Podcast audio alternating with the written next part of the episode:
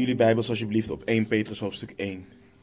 Zondags gaan we vers voor vers door de eerste brief van de apostel Petrus. En uh, vandaag uh, pakken we het verder op in uh, hoofdstuk 1. Ik wil met jullie lezen vanaf vers 10. Vervolgens bidden en dan het woord van de Heer ontlenen. We lezen vanaf vers 10 het woord van de Heer.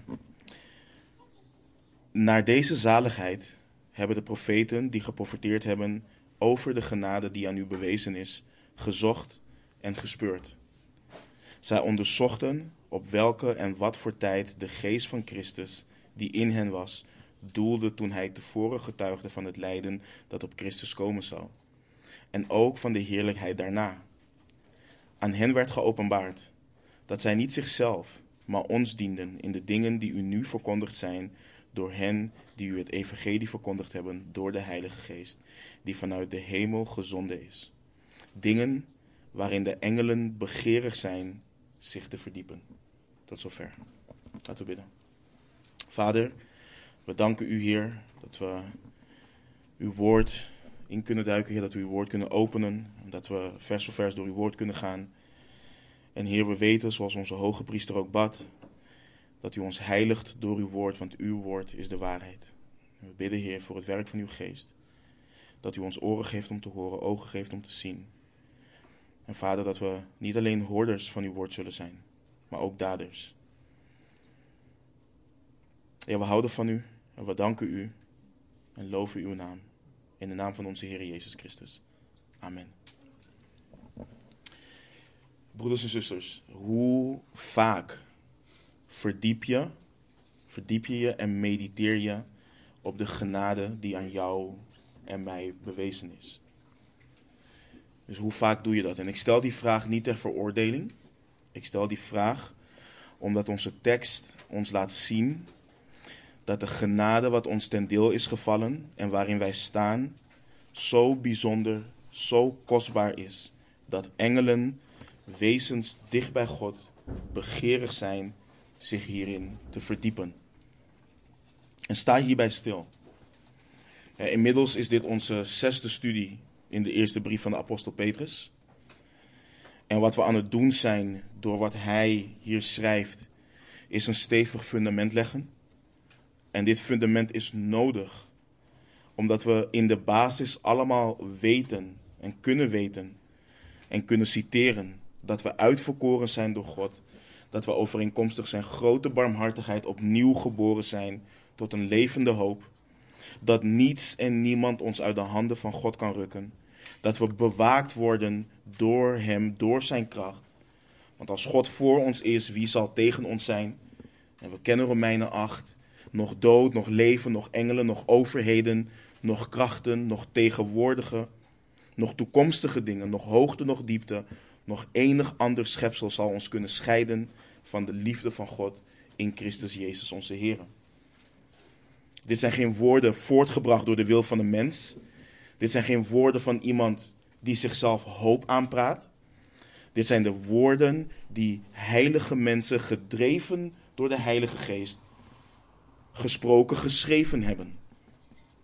Dit zijn woorden gegeven om daarmee te onderwijzen, te weerleggen, te verbeteren en op te voeden in de rechtvaardigheid opdat jij en ik die God toebehoren, volmaakt zouden zijn tot elk goed werk volkomen toegerust.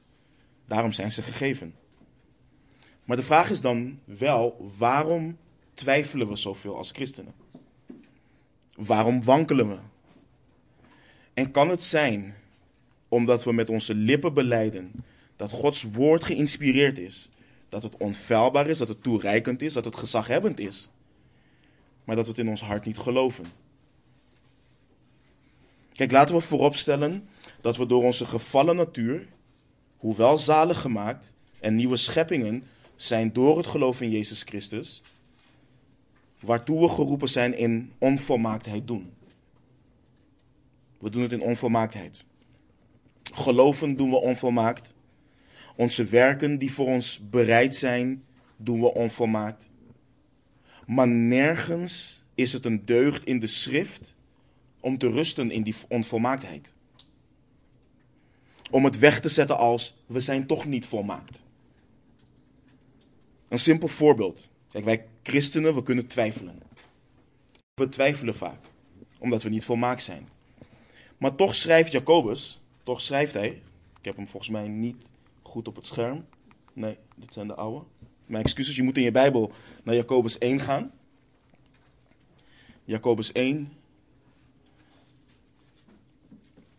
En dan lees ik vanaf vers 5.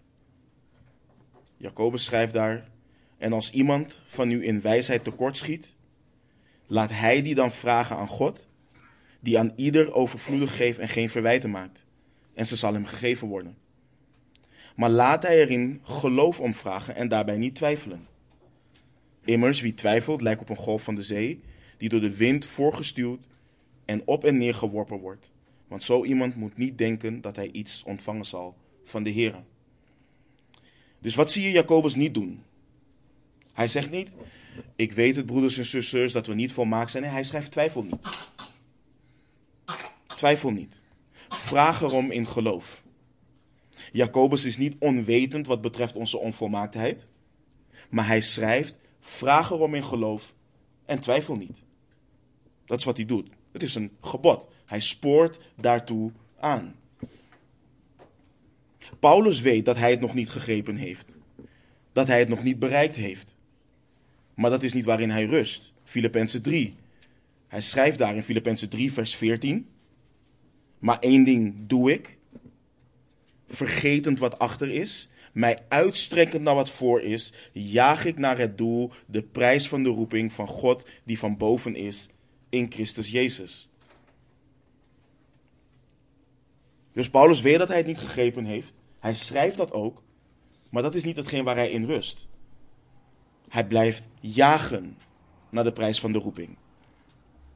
Wat heeft dit met onze tekst van vanmorgen te maken? de zekere weg van de discipel om vast te staan in het geloof, om, om, om onwankelbaar te staan in het geloof, om te groeien in genade, is om zich begeerig te verdiepen in de genade die hen ten deel is gevallen en waarin hij staat. Dus de zekere weg van de discipel om vast te staan in het geloof, om onwankelbaar te staan in het geloof, om te groeien in de genade, is om zich begeerig te verdiepen in de genade die hem ten deel is gevallen en waarin hij staat. Of het nou goed gaat, of de discipel door extreme moeilijkheden heen gaat, de discipel dient zich begeerig te blijven verdiepen en verwonderen over het evangelie van onze Heer Jezus Christus. En vaak is dit iets, ja, ik, ik, ik ken het evangelie wel. En we willen in de diepe, mysterische dingen willen we ons verdiepen. En ik zal een voorbeeld geven. Ik had, ik had me voorgenomen, en dat doe ik nog steeds, maar ik had me voorgenomen om met niemand in een discussie te belanden wat betreft de gebeurtenissen rondom Israël en Palestina. Dat had ik me voorgenomen. Maar ik belandde in een gesprek met een broeder buiten deze gemeente die ervan overtuigd was dat voorgangers, ouderlingen moeten opstaan en vanaf de kansel moeten prediken dat het land van Israël is. Want als zij dat niet doen, maken zij zich schuldig aan antisemitisme. Ik vroeg hem of hij dat bijbels kon onderbouwen, maar dat kon hij natuurlijk niet. En na wat heen en weer gepraat over de taak van een ouderling en hoe de kerk in dit conflict hoort te staan, vroeg ik hem: Kun jij mij het evangelie uitleggen? Dat vroeg ik hem. Want hij was heel gepassioneerd over dat onderwerp. Hij was heel gepassioneerd over Israël en noem maar op. En ik vroeg me af of hij dezelfde passie had voor het evangelie, wat een kracht van God is, tot zaligheid voor ieder die gelooft. En ik kreeg het antwoord, als iets tussendoor gegooid. Ja, het is zo simpel als ABC. A. Geef toe dat je een zondaar bent. B. Geloof dat Jezus Heer is. C. Roep zijn naam aan. Dus ik herhaal wat hij zei. A. Geef toe dat je een zondaar bent. B. Geloof dat Jezus Heer is. C. Roep zijn naam aan. Broeders en zusters, dit is de standaard in veel evangelische kerken. Dit is de standaard in veel evangelische kerken. Misschien denk je zelf nu, hè, maar daar is, hier is toch niets mis mee. En ik veroordeel je niet als je dat denkt. Maar ik wil jullie erop wijzen dat dat niet het evangelie van onze Heer Jezus Christus is. Dat is niet het evangelie. Als je denkt dat dit het evangelie is, dan is het ook niet raar dat je je niet verwondert en verdiept in het evangelie. Want het evangelie is niet dat je moet toegeven dat je een zondaar bent. Het evangelie maakt duidelijk en kenbaar dat je een zondaar bent en dat je verlossing nodig hebt. Het evangelie is niet dat Jezus Christus Here is. Het evangelie bewijst dat Jezus Christus Here is. Het evangelie is niet roep zijn naam aan. Het evangelie dwingt je om zijn naam aan te roepen of om hem te verwerpen. En de een zegt ja, dat zijn nuances. En ik zeg dit zijn nuances die het verschil maken tussen leven en dood. De een zegt ja, maar God gebruikt alles ten goede. Zo zwaar is het niet. En ik zeg, God heeft het niet aan ons overgelaten om te bepalen wat wel of niet zwaar is. En de een zegt, ja, maar wat maakt het allemaal uit? En ik zeg, als je onze tekst leest en als je de brief 1 Petrus leest, dan zie je dat het je hele wandel bepaalt. En daar hebben we de afgelopen diensten bij stilgestaan. Het evangelie bepaalt je hele wandel. En wat is er gebeurd, broeders en zusters? Wat maakt de zaligmaking waarin wij staan, wat maakt dat zo bijzonder?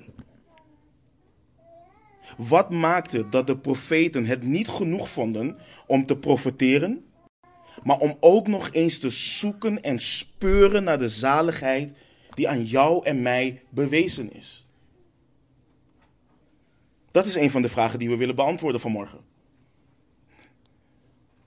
Want wat we moeten weten is het volgende omdat onze redding zo groot is, omdat onze zaligmaking zo bijzonder is, zouden we met vreugde huidig lijden moeten verdragen in het licht van de toekomstige heerlijkheid.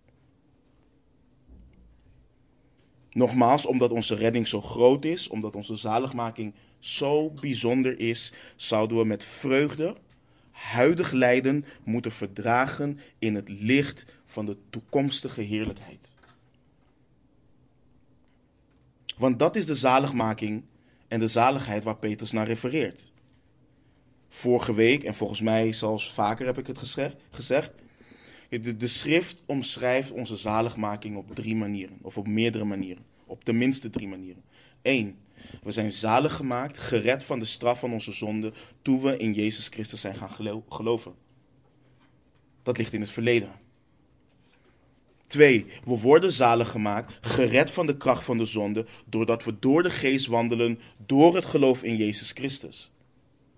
Dat ligt in het heden, dat ligt in het nu.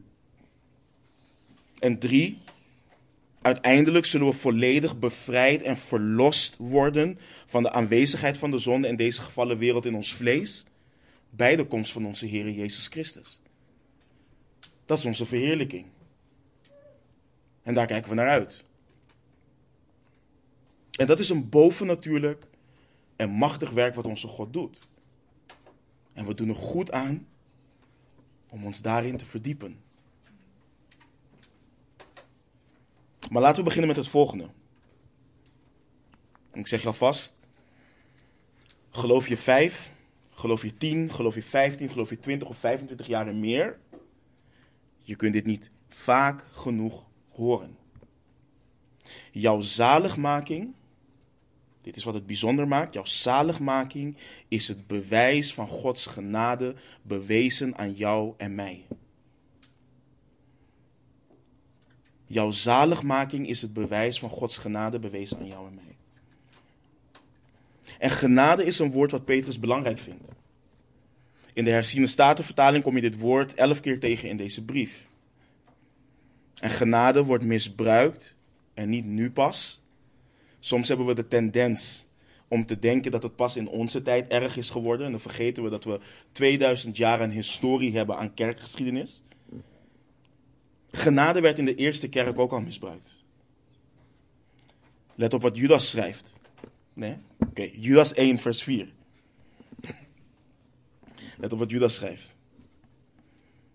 Hij schrijft, want er zijn sommige mensen binnengeslopen die tot dit oordeel al lang tevoren opgeschreven zijn. goddelozen die de genade van onze God veranderen in losbandigheid. En die de enige heerser, God en onze Heere Jezus Christus verloochenen. Dit is de eerste kerk. Wat is gebeurd? Mensen zijn binnengeslopen en ze veranderen de genade van God tot losbandigheid. Ze gebruiken het als excuus om losbandig te leven. Ze misbruikten Gods genade. Dat woord losbandigheid houdt in dat zij zich schandalig gedroegen. Baldadig betekent het ook wel. Het spreekt van gedrag wat goede zeden, wat goed gedrag bederft. Mensen die zich overgeven aan hetgeen wat tegen Gods geboden ingaat. Dus toen werd genade misbruikt. En ook vandaag in onze tijd wordt genade nog steeds misbruikt. En wat zie je? Wat je vandaag vooral veel ziet, is dat genade wordt gepresenteerd op een manier waarop we een relaxte en onbezorgde houding dienen te hebben jegens God en zijn geboden.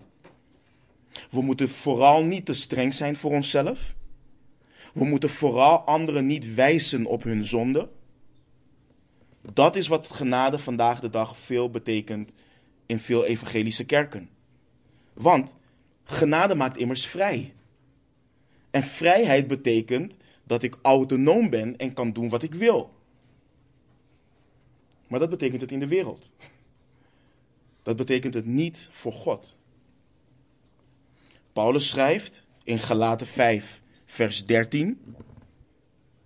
Ik moet nu even herinneren dat ik moet pauzeren zodat jullie naar Galaten 5, vers 13 kunnen. Maar Galaten 5, vers 13, daar schrijft Paulus: Want u bent tot vrijheid geroepen, broeders. Dus ja, we zijn tot vrijheid geroepen. Maar hij schrijft: Alleen niet tot die vrijheid die aanleiding geeft aan het vlees. Maar dien elkaar door de liefde. Petrus schrijft het in 1 Petrus 2, vers 15 en 16 als volgt. Want zo is het de wil van God. Dat u door goed te doen het onverstand van dwaze mensen de mond snoert. Hoe? Als vrije mensen? Maar niet alsof u de vrijheid hebt als een dekmantel voor slechtheid, maar als dienstknechten van God. Dus door Gods genade aan ons bewezen zijn zijn kinderen vrij. Vrijgemaakt, broeders en zusters. Maar je waardeert dit pas wanneer je inziet dat je niets anders dan Gods rechtvaardige toorn verdiende. Want hier ligt het grote verschil. Kijk, je zult relatief weinig beleidende christenen vinden die zullen zeggen dat zij of anderen geen zondaars zijn. Maar net zo weinig zul je er vinden die zullen zeggen dat ze Gods genade onwaardig zijn. Dat ze het niet verdienen. Schriftgedeelten, schriftgedeelten als, want het loon van de zonde is de dood, maakt mensen oncomfortabel. Ook christenen. Want ook al beleiden ze dat Gods redding zijn genade is, leeft er wel in het hart dat het genade is die hen hoorde toe te komen. Maar niemand is het waard en waardig om Gods redding te verdienen. Er is niemand rechtvaardig, ook niet één. Er is niemand die verstandig is. Er is niemand die God zoekt. Allen zijn zij afgedwaald, samen zijn zij nutteloos geworden. Er is niemand die goed doet, er is zelfs niet één. De vreze God staat u niet voor ogen. De loon, nogmaals, van de zonde is dood. Maar hier zijn wij. Hier zitten wij. Met hoop. Met de hoop, de vaste zekerheid op het eeuwige leven. We zitten hier met de zekerheid, met het vertrouwen dat God niet meer denkt aan onze zonde. Dat we niet meer voor Hem staan als goddelozen, maar voor Hem staan als zonen en dochters. Hier staan wij met de vaste zekerheid dat wanneer Christus zal komen, we heilig en smetteloos voor God zullen staan. Onberispelijk. Die zekerheid hebben we. Waarom? Want God heeft ons lief gehad. En in zijn liefde heeft hij zijn enige geboren zoon gestuurd. De zoon van God kwam naar aarde, geboren uit een vrouw, geboren onder de heilige wet. Om mensen zoals jij en ik, die gebonden waren als slaven van de zonde, vrij te kopen met zijn plaatsvervangende dood aan het kruis en zijn wederopstanding op de derde dag. Bij zijn eerste komst kwam hij niet om de wereld te veroordelen, maar om die te redden. En door de wederopstanding is met kracht bewezen dat hij de zoon van God is. Het heilige offer wel behagelijk voor God. Door God aangewezen als enige middelaar tussen God en mensen. En ieder mens die in Jezus Christus gelooft, die zich bekeert, zal vergeving van zonde ontvangen. Gods toorn zal wijken van die persoon, want Jezus Christus heeft het volbracht. En die persoon is bekleed met de gerechtigheid van Jezus Christus en staat heilig en gerechtvaardigd voor God.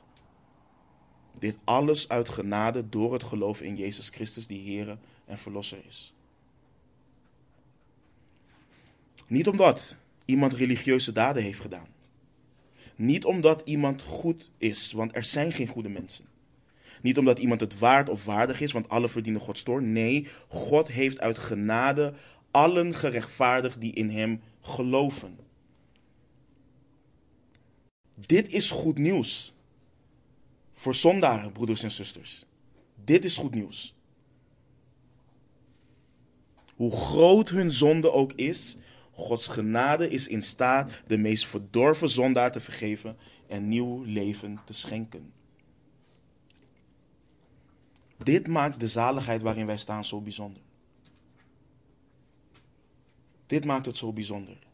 En dit is waarom wij ons hierin moeten verdiepen. Want hoe meer je wandelt met Christus, hoe meer je groeit in Hem en hoe meer je Zijn majesteit ziet en inziet hoe glorieus Hij is, hoe meer je zult zien dat je onwaardig bent en hoe groter de genade van God wordt in jouw ogen.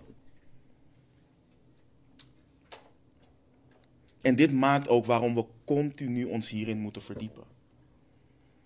Dit maakt, waarom, dit maakt het bijzonder dat wanneer ik zie dat ik nieuw leven heb eh, geschonken heb gekregen, dat ik een nieuw mens ben geworden, dat ik alsnog word opgeroepen tot liefde, ondanks dat de liefde in mijn hart is uitgestort door de Heilige Geest.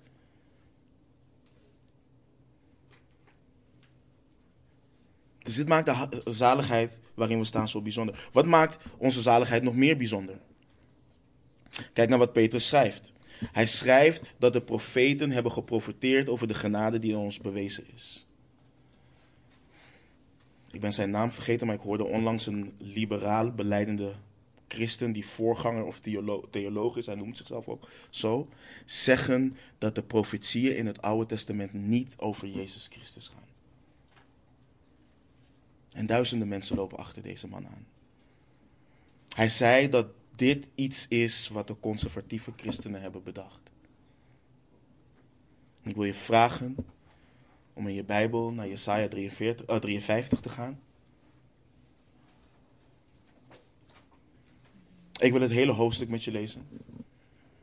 En ik weet dat jullie het Nieuwe Testament goed kennen. Ik weet dat jullie de Evangelie kennen. En ik wil, ik wil gewoon zien dat als wij dit lezen, je kan niets anders dan zien dat dit over de Heer Jezus Christus gaat. Bestaat niet. Jesaja 53 vanaf vers 1. Het begint eigenlijk al in hoofdstuk 52, maar laten we gewoon hier beginnen. Wie heeft onze prediking geloofd? En aan wie is de arm van de Heer geopenbaard? Want hij is, als een lood opgeschoten voor zijn aangezicht, als een wortel uit dorre aarde. Gestalte of glorie had hij niet. Had hij niet. Als wij hem aanzagen, was er geen gedaante dat wij hem begeerd zouden hebben. Hij was veracht, de onwaardigste onder de mensen, een man van smarten, bekend met ziekte, en als iemand voor wie men het gezicht verbergt. Hij was veracht, en wij hebben hem niet geacht. Voorwaar, onze ziekten heeft hij op zich genomen, onze smarten heeft hij gedragen. Wij hielden hem echter voor een geplaagde, door, door God geslagen en verdrukt. Maar hij is om onze overtredingen verwond, om onze ongerechtigheden verbrijzeld. De straf die ons de vrede aanbrengt was op hem. En door zijn striemen is er voor ons genezing gekomen. Wij dwaalden allen als schapen. Wij keerden ons ieder naar zijn eigen weg. Maar de Heere heeft de ongerechtigheid van ons allen op hem doen neerkomen. Toen betaling geëist werd, werd hij verdrukt, maar hij deed zijn mond niet open. Als een lam werd hij ter slachting geleid. Als een schaap dat stom is voor zijn scheerders, zo deed hij zijn mond niet open. Hij is uit de angst en uit het gericht weggenomen. En wie zal zijn leeftijd uitspreken? Want hij is afgesneden uit het land van de levenden. Om de overtreding van mijn volk is de plaag op hem geweest. Men heeft zijn graf bij de goddelozen gesteld. En hij is bij de rijken in zijn dood geweest. Omdat hij geen onrecht gedaan heeft en geen bedrog in zijn mond geweest is. Maar het behaagde de Heere hem te verbrijzelen. Hij heeft hem ziek gemaakt. Als zijn ziel zich tot een schuldoffer gesteld zal hebben, zal hij nageslacht zien. Hij zal de dagen verlengen. Het welbehagen van de Heere zal door zijn hand voorspoedig zijn. Om de moeitevolle inspanning van zijn ziel zal hij het zien. Hij zal verzadigd worden. Door de kennis van hem zal de rechtvaardige mijn knecht velen rechtvaardig maken, want hij zal hun ongerechtigheden dragen. Daarom zal ik hem veel toedelen, en machtigen zal hij verdelen als buit. Omdat hij zijn ziel heeft uitgestort in de dood, onder de overtreders is geteld, omdat hij de zonden van velen gedragen heeft en voor de overtreders gebeden heeft. Ga nu in je Bijbel alsjeblieft naar Handelingen hoofdstuk 8. In Handelingen 8 lees je over Filippus en de kamerheer uit Ethiopië. De kamerheer was naar Jeruzalem gekomen om te aanbidden. Hij is weer onderweg naar huis. Filippus was in Samaria, waar velen tot geloof zijn gekomen. De geest van God heeft hem naar deze man gestuurd op de weg die naar Jeruzalem afdaalt naar Gaza. De kamerheer is in zijn wagen en hij leest Jesaja. En lees met me mee vanaf vers 29 in Handelingen 8. De geest zei tegen Filippus: Ga er naartoe en voeg u bij deze wagen.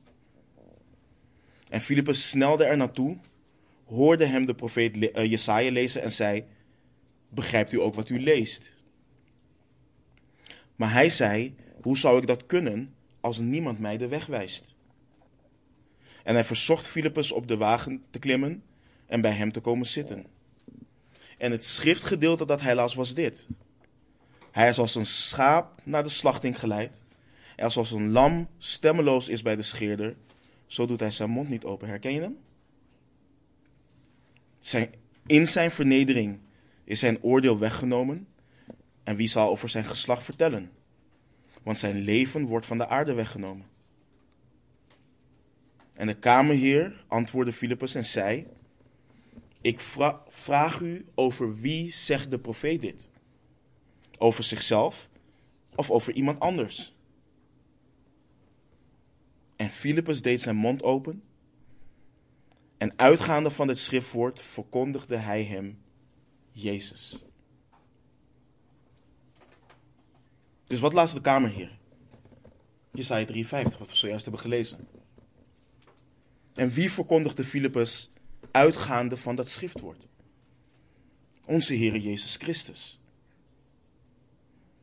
In het evangelie van Lucas lezen we hoe de Heer Jezus zelf bevestigt wat Petrus in onze tekst schrijft wat betreft de profetieën.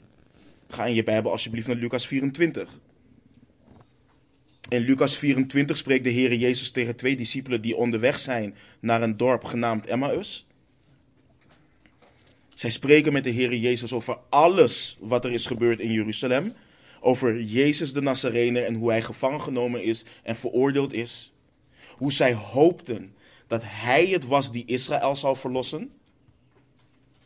En vanaf vers 25 lezen we het volgende in Lucas 24.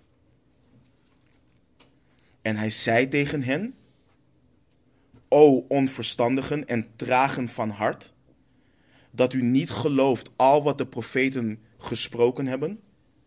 moest de Christus dit niet lijden en zo in zijn heerlijkheid ingaan.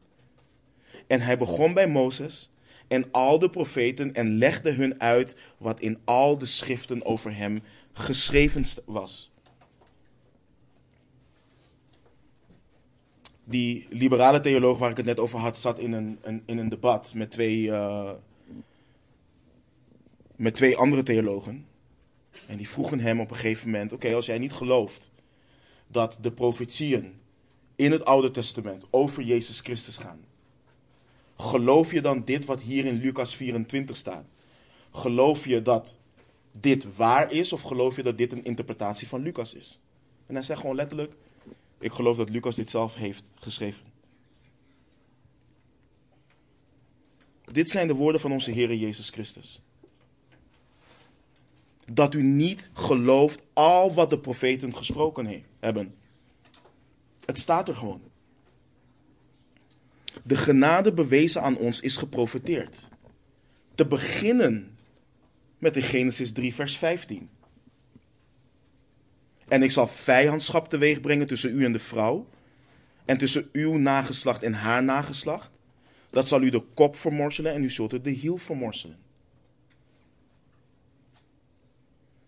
Jesaja 53 hebben we zojuist gelezen, maar ga in je Bijbel naar Jesaja 50.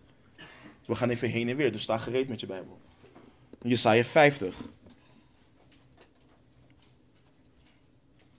Vers 6. Ik geef mijn rug aan hen die mij slaan, mijn wangen aan hen die mij de baard uitplukken. Mijn gezicht verberg ik niet voor smaad en speeksel. Ik geef mijn rug aan hen die mij slaan, mijn wangen aan hen die mij de baard uitplukken. Mijn gezicht verberg ik niet voor smaad en speeksel. Jesaja 50, vers 6. Ga nu in je Bijbel naar Zacharias 13. Zachariah 13. Daar in vers 7. Zwaard, ontwaak tegen mijn herder en tegen de man die mijn metgezel is spreekt de Heere van de legermachten. Sla die herder en de schapen zullen overal verspreid worden. Maar ik zal mijn hand tot de kleinen wenden. Zachariah 13, vers 7, ik lees hem weer. Zwaard ontwaakt tegen mijn herder en tegen de man die mijn metgezel is, spreekt de Heere van de legermachten. Sla die herder en de schapen zullen overal verspreid worden. Maar ik zal mijn hand tot de kleinen wenden. In Matthäus 26, vers 31 verwijst de Heer Jezus zelf hiernaar.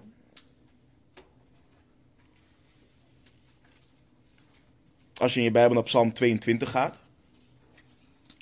Psalm 22, vers 2. Volgens mij kennen we deze. Mijn God, mijn God, waarom hebt u mij verlaten? Bent u ver van mijn verlossing, van de woorden van mijn jammerklacht? En in hetzelfde hoofdstuk, versen 7 tot en met 9. Maar ik ben een worm en geen man, een smaad van mensen en veracht door het volk. Allen die mij zien bespotten mij, zij trekken de lippen op. Zij schudden het hoofd en zeggen: Hij heeft zijn zaak op de Heere gewenteld. Laat die hem bevrijden. Laat die hem redden, als hij hem genegen is. Stuk voor stuk profetieën over onze Heer Jezus en vervuld in Hem. En zo kunnen we doorgaan. Maar wat is het punt? Het punt in context van onze brief is dit. Wanneer je door moeilijkheden heen gaat en die moeilijkheden steeds zwaarder worden, dan kun je je op een gegeven moment gaan afvragen. En dit gebeurt vaak bij christenen. En dat is geen veroordeling. Maar dan ga je je afvragen: is wat ik geloof of wat ik ben gaan geloven, is dat de waarheid? Is dat echt de waarheid? Waarom geloof ik wat ik geloof? Was het een vlaag van emotie? Wat als ik lijd? Wat als ik dit onderga en het uiteindelijk helemaal niet waar blijkt te zijn? Wat als ik lijd en ik mezelf beroofd heb van een ander leven wat ik had kunnen hebben? En Petrus beantwoordt en tackelt dit allemaal onder leiding van de Heilige Geest. Dit waarin jij en ik staan, is niet iets verzonnen door mensen. Het is niet bedacht door een aantal mannen in Galilea, zo'n 2000 jaar geleden. Wat wij geloven is gebaseerd op de profetieën gegeven door God aan heilige mensen eeuwen voordat Jezus Christus gekomen is als verlosser. Die profetieën zijn tot in detail vervuld, want hij die de profetieën gaf is geen leugenaar. Hij is de waarachtige God die niet liegen kan. En dat is wat wij ons moeten herinneren te midden van alle moeilijkheden. Ons geloof staat niet op zichzelf. Het hangt er niet van af of je het voelt. Waar het om draait is dat, waar het, dat het waar is omdat God heeft gezegd dat het waar is. Ga bijvoorbeeld in je Bijbel naar 2 Petrus 1. Ik vind dit, dit, wat we gaan lezen, ik vind het zo prachtig. Vanaf, uh, dus vers 19 is ons sleutelvers. Maar we beginnen bij vers 16. Voor de context. 2 Petrus 1, dan lezen we vanaf vers 16. Petrus schrijft, want wij zijn geen kunstig bedachte verzinsels gevolgd, toen wij u de kracht en de komst van onze Heer Jezus bekend maakten, maar wij zijn ooggetuigen geweest van zijn majesteit, want hij heeft van God de Vader eer en heerlijkheid ontvangen, toen een stem als deze van de verheven heerlijkheid tot hem kwam. Dit is mijn geliefde zoon, in wie ik mijn welbehagen heb. En deze stem hebben wij gehoord, toen deze vanuit de hemel kwam, terwijl wij met hem op de heilige berg waren. Let op vers 19. En wij hebben het profetische woord, dat vast en zeker is, en u doet er goed aan daarop acht te slaan, als op een lamp die schijnt in een duistere plaats, totdat de dag aanbreekt en de morgenster opgaat in uw hart. Let goed op wat hier staat. We lezen in 2 Petrus 1 vanaf vers 16 tot en met 19 dat Petrus ooggetuige is geweest. Jullie kennen het verslag van de verheerlijking van de Heere Jezus op de berg, waar Mozes en Elia verschijnen aan hem en met de Heere Jezus Christus spreken. Het is te lezen in Matthäus 17. Petrus heeft dit met zijn eigen ogen gezien, hij was erbij. Petrus hoorde de stem van de Vader: Dit is mijn geliefde zoon in wie ik mijn welbehagen heb. Maar dit is niet hetgeen wat, waar Petrus naar schrijft als vaste basis. Hij zegt niet dat de zekerheid die wij, hebben, uh, die wij hebben gebaseerd is op een ervaring of op een opwelling van hem. Nee, in vers 19 lees en wij hebben het profetische woord dat vast en zeker is. En u doet er goed aan daarop acht te slaan. Dit woord, dit profetisch woord, dit wat we hebben, dit is hetgeen waaraan we moeten vasthouden. Dat is hetgeen wat betrouwbaar is. En daarom ook, soms hoor je mensen ook zeggen, vaak ook tegen jullie hier. We hebben het vaak ook gehoord, jullie zijn dogmatisch over de schrift. Ja, want dat is vast en zeker. Ik heb niks aan je mening, ik heb niks aan je gevoelens. Het boeit me niet. Wat staat er in de Bijbel? Dat is wat ik wil weten. En als het niet in de Bijbel staat, dan hebben we geen vaste basis om over te praten. Want vandaag voel je je zo en morgen voel je je anders. Maar Gods woord is vast en zeker. En dat is waarom ik altijd vraag: waar staat het? Waar staat het? Kom niet met die en die heeft het gezegd. Waar staat het? Dat is de vraag die we moeten stellen. Dit wat wij lezen, dit waar wij vers voor vers doorheen gaan, dit is gegeven door God. Hierin staat wat er is gebeurd, wat er nu gebeurt en wat er nog staat te gebeuren. En dat is waaraan we moeten vasthouden. En waarom is de genade dus waarin we staan, de zaligheid wat ons ten deel is gevallen? Waarom is het zo bijzonder? Omdat het een vast en zeker profetisch woord is waarin wij geloven. Het is genade waarover geprofeteerd is. Dit is waarom we systematisch door de schrift heen gaan, broeders en zusters. Dit is waarom we onze tijd nemen. Dit is waarom we Christus prediken en Hem alleen. Want als je hierin gegrond bent, dan maakt het niet uit hoe heet die vurige oven wordt van de verdrukking. Je geloof is dan niet gebaseerd op wat een ouderling heeft gezegd, op wat een apologeet heeft gezegd. Het maakt niet uit hoe je je voelt of wat je eigen gedachten zijn op het moment dat je door die vurige oven heen gaat. Het is dan gebaseerd op het woord van God die niet liegen kan. En dit is ook waarom we gedwongen worden om ons te beijveren. Om niet alleen het Nieuwe Testament te bestuderen, maar ook het Oude Testament. Om heel het raadsbesluit van God te bestuderen. Kijk niet naar Genesis, Exodus, uh, uh, Leviticus, Numeri, Deuteronomium en de, rest, en de rest van het Oude Testament puur en alleen als geschiedenis.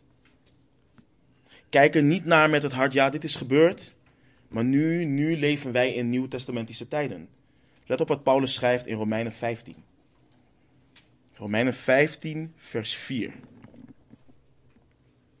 Hij schrijft, want alles wat eertijds geschreven is, is tot onze onderwijzing eerder geschreven. Waarvoor? Opdat wij in de weg van volharding en vertroosting door de schriften de hoop zouden behouden. Horen we het? Zien we hoe kostbaar en belangrijk dit is? Alles wat eertijds geschreven is, is tot onze onderwijzing geschreven, opdat wij in de weg van volharding en vertroosting door de schriften, niet door mijn gevoel, niet door mijn gedachten, niet door een apologeet of door een prediker, door de schriften de hoop zou behouden. Ik zie in het Oude Testament hoe de Heere de zijnen altijd heeft vastgehouden. Of ze vervolgd werden tot de dood of niet, hij heeft ze nooit losgelaten. En hij is niet veranderd na de komst van zijn zoon. In het Nieuwe Testament zie ik dat hij dezelfde God is. Ook daar houdt hij de zijnen vast. Worden ze gestenigd? Worden ze in de gevangenis geworpen? Hebben ze te eten of hebben ze honger? Hij houdt ze vast. En dat is de hoop die we hebben. Dat is de zekerheid die we hebben. En dat is gebaseerd op wat hij heeft overgeleverd aan de profeten en aan de apostelen. En Petrus laat ons zien. De profeten, ze zagen het nog niet helder. Ze begrepen het niet volledig. Maar ze dienden niet hunzelf. Ze schreven het niet voor hunzelf. Ze schreven het voor hen die zouden geloven in God na de komst van Christus. En ze schreven onder leiding, onder inspiratie van de Heilige Geest. En dat maakt dit boek dus geen boek van mensen. Dat maakt het geloof waarin we staan niet een geloof bedacht door mensen, maar gegeven door God. Het is de openbaring van God. En dat is wat ons geloof zo bijzonder maakt. Als God het ons niet had geopenbaard, hadden we het niet geweten. Ja, je had naar de hemel kunnen kijken en gedacht dat de God die dit heeft gemaakt eervol is. Dat de werken van zijn handen bijzonder zijn. Maar nooit had je geweten dat je doemwaardig voor God staat. Maar dat hij ook een weg zou bieden. En dat hij zijn weg heeft geboden in zijn eigen zoon. Dat heeft hij geopenbaard. In de schrift. Waarom is de zaligheid die we hebben ontvangen bijzonder? Wat is nog een reden? Het lijden en de verheerlijking van onze Heer Jezus Christus. In vers 11 schrijft Petrus over hoe zij getuigden over het lijden dat op Christus zal komen en ook zijn verheerlijking wat daarop zal volgen. En dit ligt in het hart van het evangelie wat we geloven. Dat hij voor ons heeft geleden. Als je in je Bijbel naar Handelingen 17 gaat, let op wat Paulus deed toen hij in Thessalonica kwam. Handelingen 17, vanaf vers 1 tot en met 3.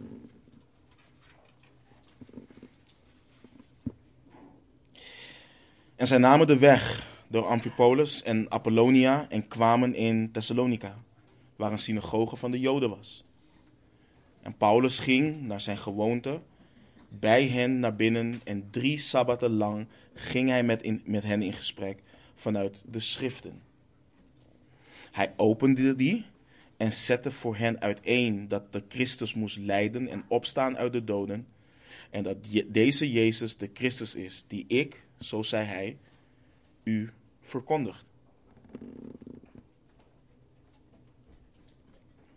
Hij legt de nadruk op het feit dat hij moest lijden. Dat hij gestorven is. En voor de Joden is dit vooral belangrijk, want die verwachten geen leidende Messias. Maar voor, ook voor ons als heidenen is het belangrijk om te weten dat Christus voor ons een lijdensweg is gegaan. Maar hij moest lijden, hij is gestorven, maar ook dat hij verheerlijkt is. Dat hij opgestaan is uit de doden. En de Filippenzen worden hier ook aan herinnerd in Filippenzen 2. Met deze kostbare en diepe waarheid waar we bij hebben stilgestaan. Filippenzen 2 vanaf vers 5. Laat daarom die gezindheid in u zijn die ook in Christus Jezus was. Die terwijl hij in de gestalte van God was, het niet als roof beschouwd heeft van God gelijk te zijn, maar zichzelf ontledigd heeft door de gestalte van een slaaf aan te nemen en aan de mensen gelijk te worden. En in gedaante als een mens bevonden, heeft hij zichzelf vernederd en is gehoorzaam geworden tot de dood. Ja, tot de kruisdood. Maar het stopt niet daar. Vanaf vers 9 lezen we. Daarom heeft God hem ook bovenmate verhoogd en heeft hem een naam geschonken boven alle naam. Dat in de naam van Jezus zich zal buigen elke knie van hen die in de hemel en die op de aarde en die onder de aarde zijn, en elke tong zal beleiden dat Jezus Christus de Heere is tot heerlijkheid van God de Vader. Hij is vernederd, hij heeft geleden, is gehoorzaam geworden tot de dood, tot de kruisdood, maar is niet in het graf gebleven. Hij is opgewekt. En de Vader heeft hem een naam boven alle naam geschonken. Hij is verheerlijkt. Maar het stopt niet alleen bij zijn opstanding. Wij weten dat hij aan de rechterhand van de Vader zit. Wij weten dat hij zal komen. En hij zal dan niet komen om nogmaals te lijden als een lam, maar zal komen als een leeuw, als de leeuw van Juda. Hij zal komen bekleed met eer, glorie, kracht en majesteit. En zij die hem verworpen hebben, zullen beleiden dat Jezus Christus de Heere is.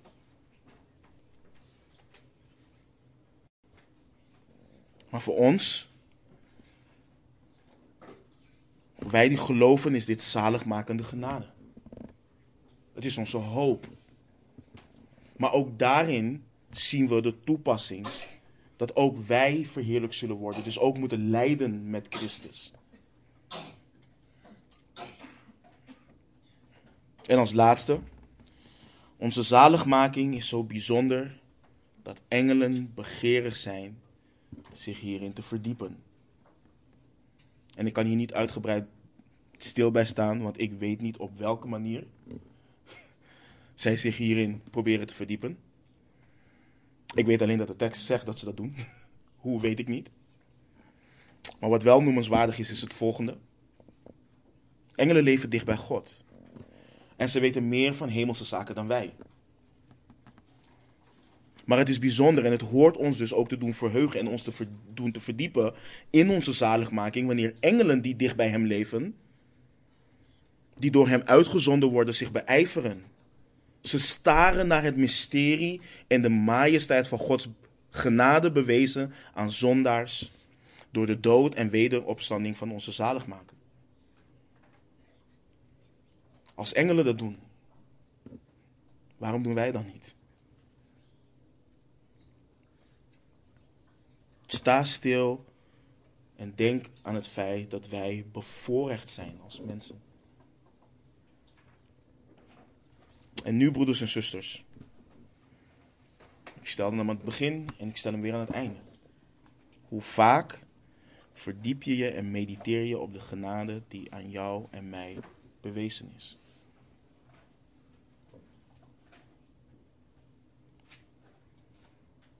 Het evangelie,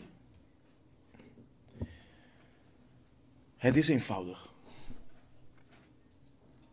Maar het is ook zo diepgaand.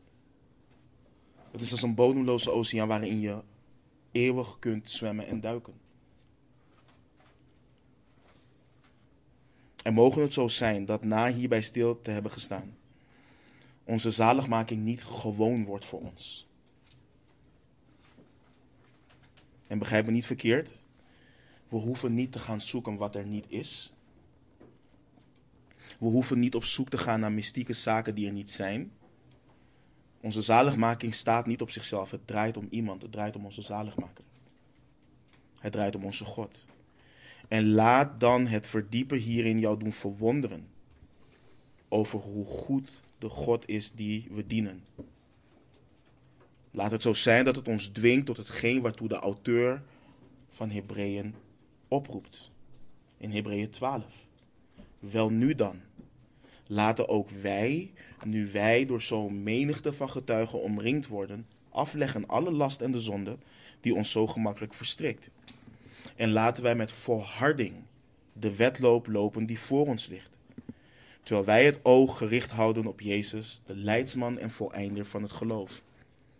Hij heeft om de vreugde die hem in het vooruitzicht was gesteld, het kruis verdragen en de schande veracht en zit nu aan de rechterhand van de troon van God. Amen. Laten we bidden. Machtige Vader, wat een genade hebt u ons getoond, Heer. Wat een genade. En we danken u daarvoor, Heer. We loven uw grote en heilige naam hiervoor, Heer. Laat het zo zijn, Vader, dat de genade waarin we staan, dat het nooit gewoon voor ons wordt.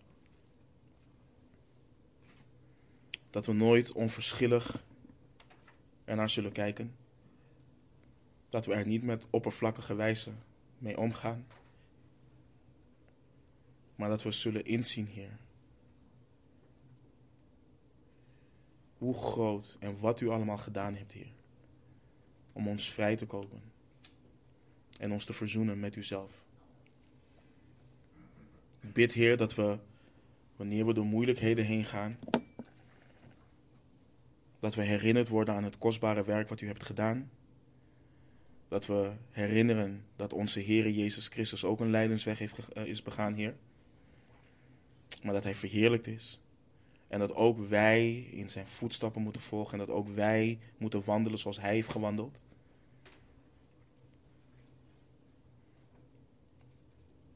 En dat wanneer de wereld ons haat, dat wij herinneren dat de wereld Hem eerst heeft gehaat. En dat de wereld ons haat omdat we uitverkoren zijn uit de wereld. En laat het zo zijn, Heer, dat we met volharding, met vreugde, met blijdschap de wedloop, lopen. En blijven herinneren dat, er, dat ons veel genade ten deel is gevallen. We houden van u, we danken u, we loven en we prijzen uw heilige naam. In de machtige naam van onze Heer Jezus Christus. Amen.